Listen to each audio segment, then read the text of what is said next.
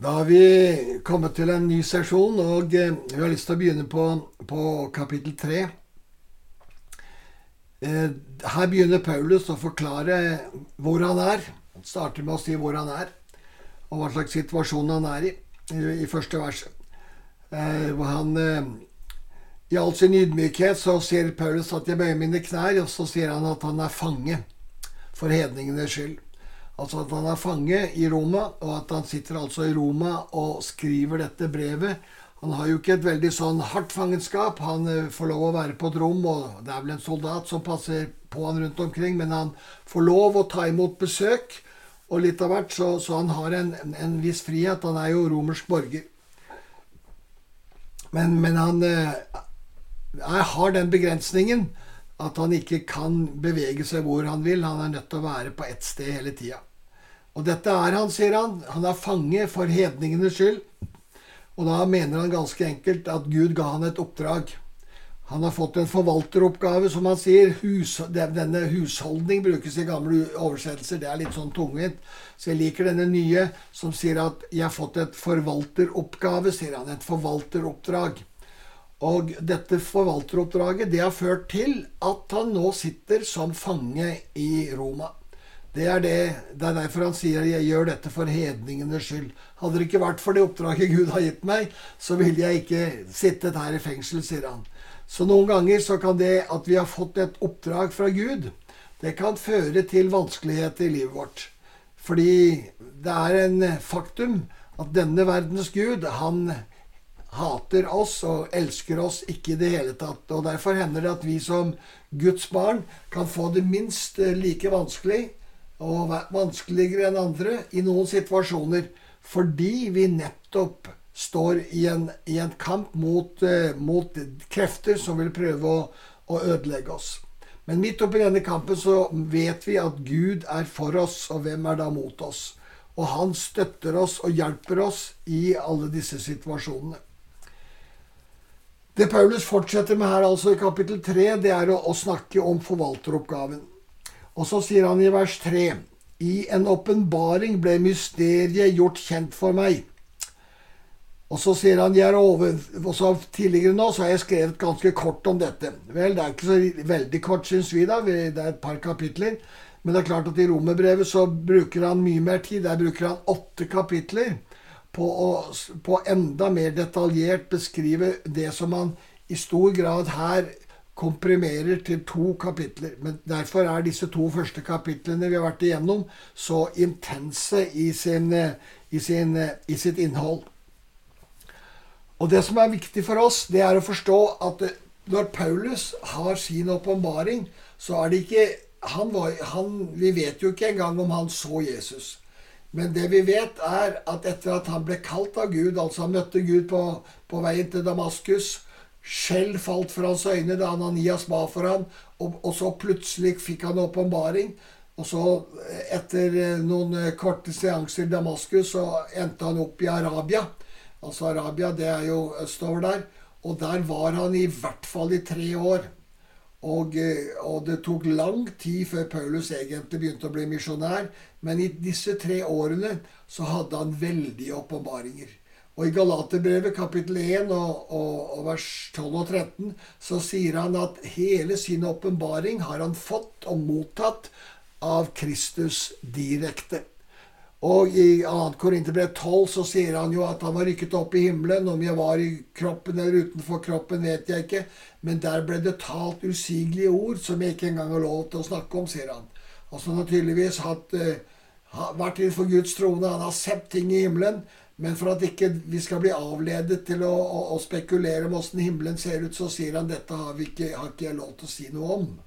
Men det han får se, det er at han har, må kanskje ha hatt enorme samtaler med Kristus. Kristus har lagt i hjertet hans akkurat det som han hadde lagt i Peters hjerte, Johannes' hjerte og de andres hjerte. Ikke minst også i den tida mellom eh, oppstandelsen og Kristi himmelfart, hvor han kom og underviste dem om Guds rike. og og, og etter hvert så, så, de, så, levde jo de en konstant åpenbaring i en elv av åpenbaring etter pinsedag, hvor Ånden var gitt, og de forsto hele sammenhengen om hvorfor Kristus kom, hvorfor han led, hvorfor han døde, hvorfor han måtte stå opp fra de døde, at han sitter ved Faderens høyre. De forsto plutselig alt dette ved åpenbaring. Men alt dette fikk Paulus i åpenbaring direkte ved at han var i himmelen, i den tredje himmelen på en eller annen måte, og fikk del i hele greia. Og det har alltid vært fascinerende for meg, fordi, yes, fordi Paulus fikk alt dette direkte på den måten. Peter fikk det på en annen måte, og Johannes fikk det på en annen måte. Men når du sammenfaller hva disse tre, som i hovedsak har skrevet, eh, eh skrevet Det nye testamentet etter, til, fra Johannes til og med Johannesevangeliet og resten av Bibelen, sånn stort sett, så er det så fascinerende å se hvor, hvordan alt er likt. Det er bare at det ses fra tre forskjellige synsvinkler ut fra tre forskjellige personer som har fått som er hvor Jesus er inkarnert i deres hjerte. Og de har far som, som, som den som øser over dem kjærlighet og godhet. Og så, og så, ser de de samme ting, men de ser det bruker forskjellige ord fordi de er forskjellige mennesker. Slik vil det også være for oss som forkynner i dag. Fordi vi er forskjellige mennesker, så vil vi bruke forskjellige ord.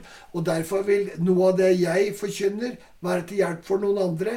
Men for noen, mens andre som forkynner, de vil være til hjelp for andre. Så vi, når vi ser tingene fra forskjellige synsvinkler, så kan Den hellige ånd bruke det og gi hver enkelt av oss åpenbaring slik som han vil. Så dette, er, dette syns jeg er veldig spennende å tenke hvordan, hvordan da Paulus kaller at gjennom en åpenbaring ble mysteriet gjort kjent for meg. Og så han om, begynner han å snakke om Kristi mysterium. Kan dere skjønne hvilken innsikt jeg har, sier han, i Kristi mysterium. Altså, når noe er et mysterium, så er det ikke for hodet, men det er for hjertet. Og mange mennesker prøver å forstå med hodet det som tilhører hjertet. Nå, nå mener jo jeg at evangeliet er logisk, men, men, men like, like, fullt så, så, må du forstå det med hjertet. Og det er først når hjertet får åpenbaring at forstanden kan forstå. Mange ofte, ofte så snakker man i, i kristenheten om at det, det er en viss avstand fra hodet til hjertet. Og, og, den, eh, og, at, at det, og, så sier folk det som jeg har i hodet, tenk om jeg, hjertet mitt kunne få tak i det. Jeg tror at, eh, at åpenbaringen kommer til hjertet. Og så vil, Når hjertet har fått se ting, så vil også etter hvert hodet forstå. Jeg vil, jeg vil bruke eksempler fra mitt eget liv. At jeg begynte å få mer og mer erfaring av fars kjærlighet. Fra, særlig fra tida jeg var i Toronto i 1994 og utover så, så, så, elsket Gud meg. Jeg opplevde at han elsket meg, men jeg forsto ikke hva det gikk ut på.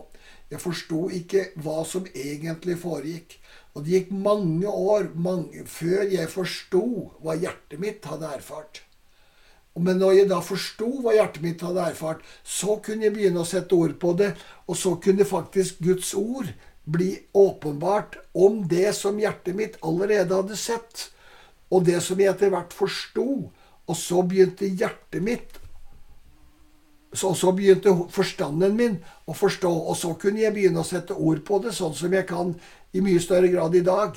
Jeg kan sette ord på hva hjertet mitt erfarte, f.eks. i 1995, med en hel uke i Toronto, hvor jeg gråt nesten hele tida, og hvor jeg egentlig bare opplevde Guds kjærlighet, fars kjærlighet, enormt.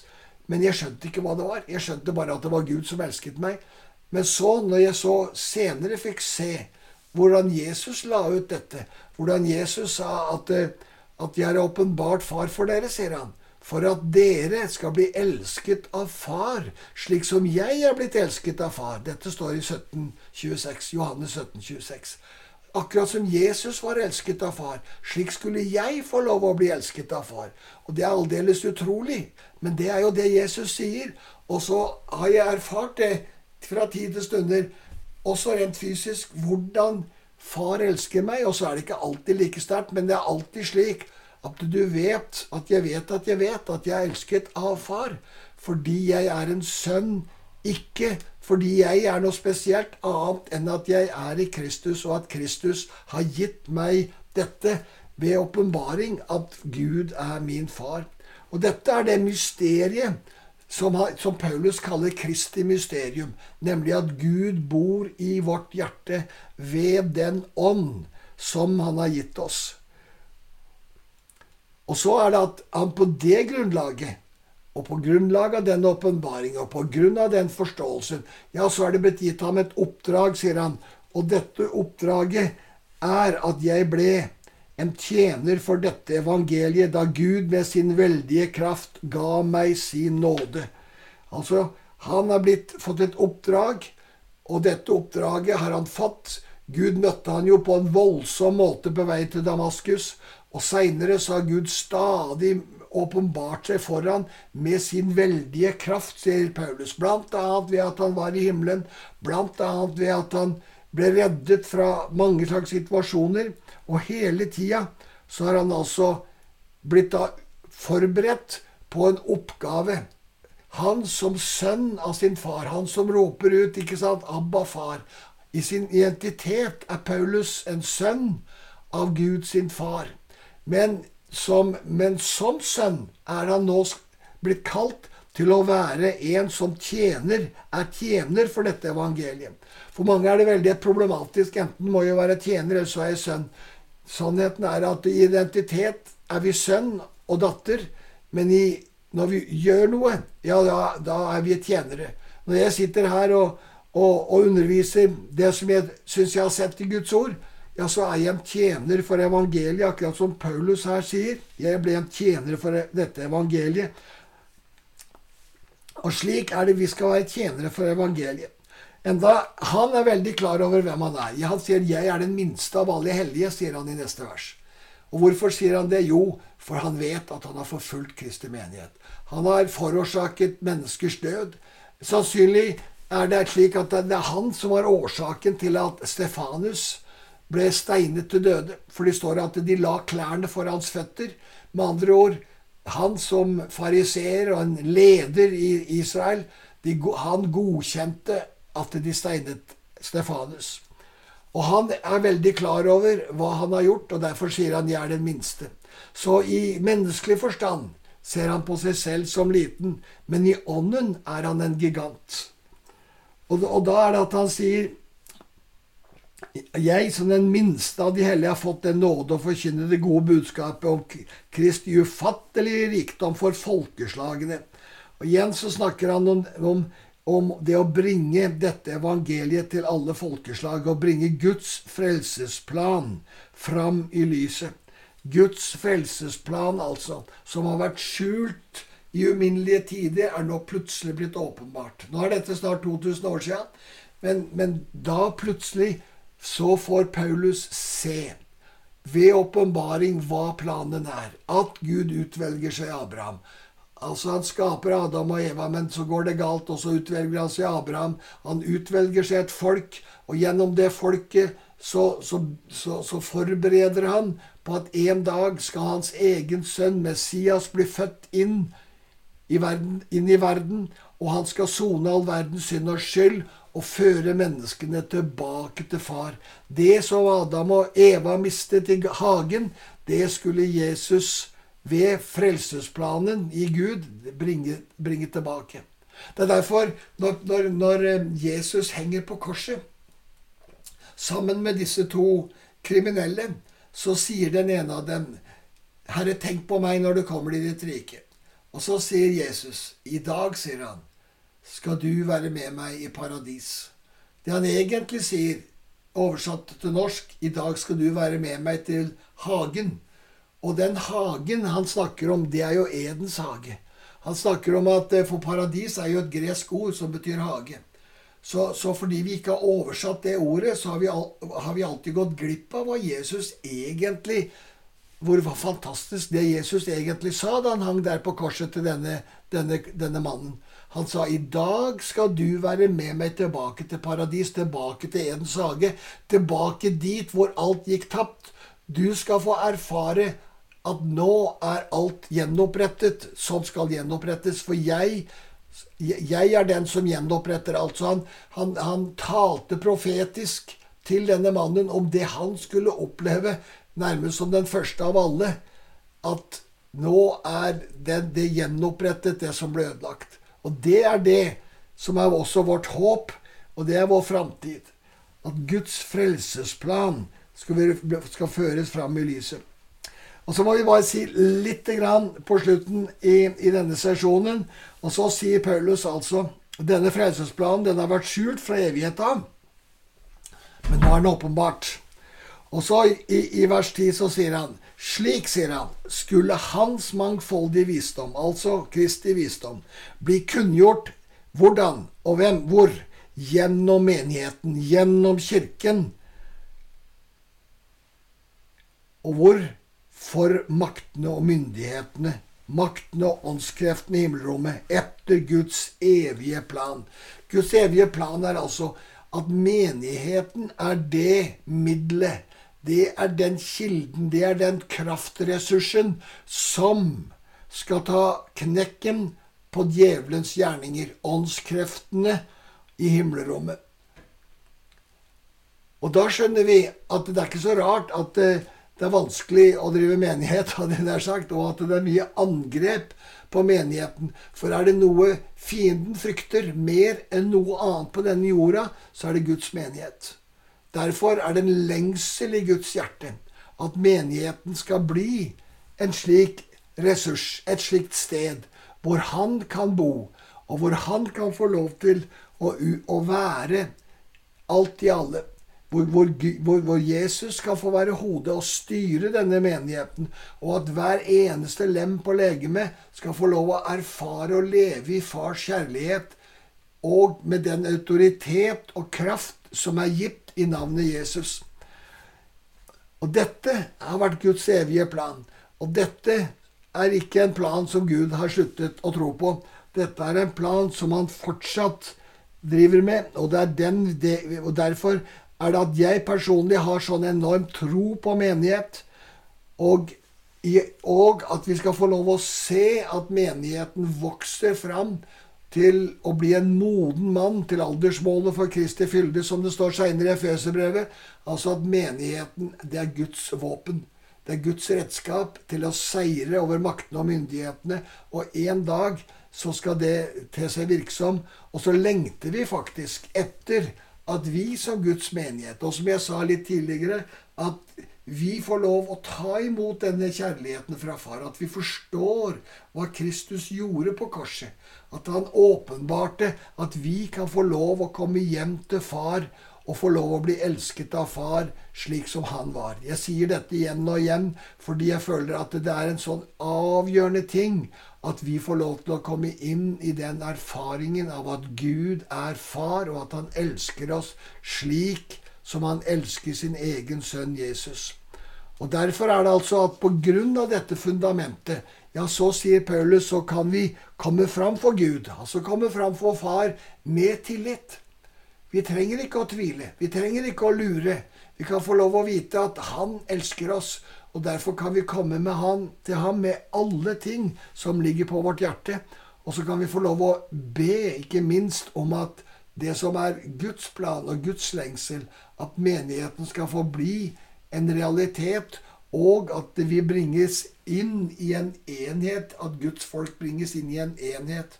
Og jeg tror personlig at den åpenbaringen som Gud gjør, og har gjort nå de siste 20-30 årene spesielt, det er at han kommer selv og vil være far for oss. Og jeg tror at når Gud kommer, og vi får en åpenbaring av at Gud er far, ja, så vil vi som Guds folk også bli brakt inn i enhet. Jeg har en sånn enkel tanke på at når brødre og vi er jo Kristi brødre. Når brødre er sammen, så har de en tendens til å begynne å slåss. Men når far kommer, så blir det ro. Og det har jeg tro på, at det far kommer, og han vil bringe kjærligheten og freden og enheten inn i Guds menighet. Og dette er den restaureringen som i hvert fall jeg ser for meg i årene som kommer. Så dette skal du få lov å tygge på, og så ber vi deg enkelt nå, far, at du lar din menighet bli den menighet som du lengter etter. At du, Jesus Kristus, kan få være hodet for en menighet som ligner på deg. At hvert lem på legemet får vokse fram til modenhet i Kristus, i aldersmålet for Kristi fylde, som det står, så vi kan bli det folket du lengter etter at vi skal bli. Amen.